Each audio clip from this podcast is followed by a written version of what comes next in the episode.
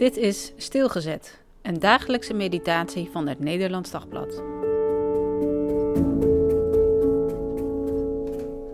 Vloek.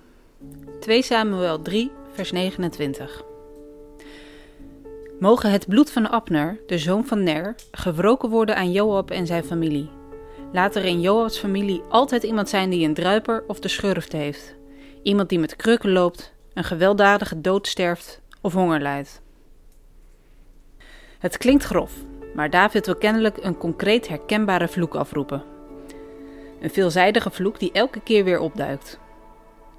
Altijd moet er in Joabs familie de herinnering zijn aan een moord die nooit had mogen gebeuren. Als een permanente oproep.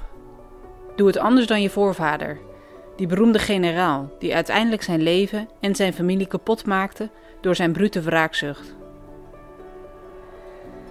David ziet de moord op Abner dus niet als een uitgeleider, maar als een gevolg van een bepaalde manier van denken. Joab wenst geen onrecht te lijden en dus meent hij in zijn volste recht te staan als hij klappen uitdeelt, alsof hij God zelf is.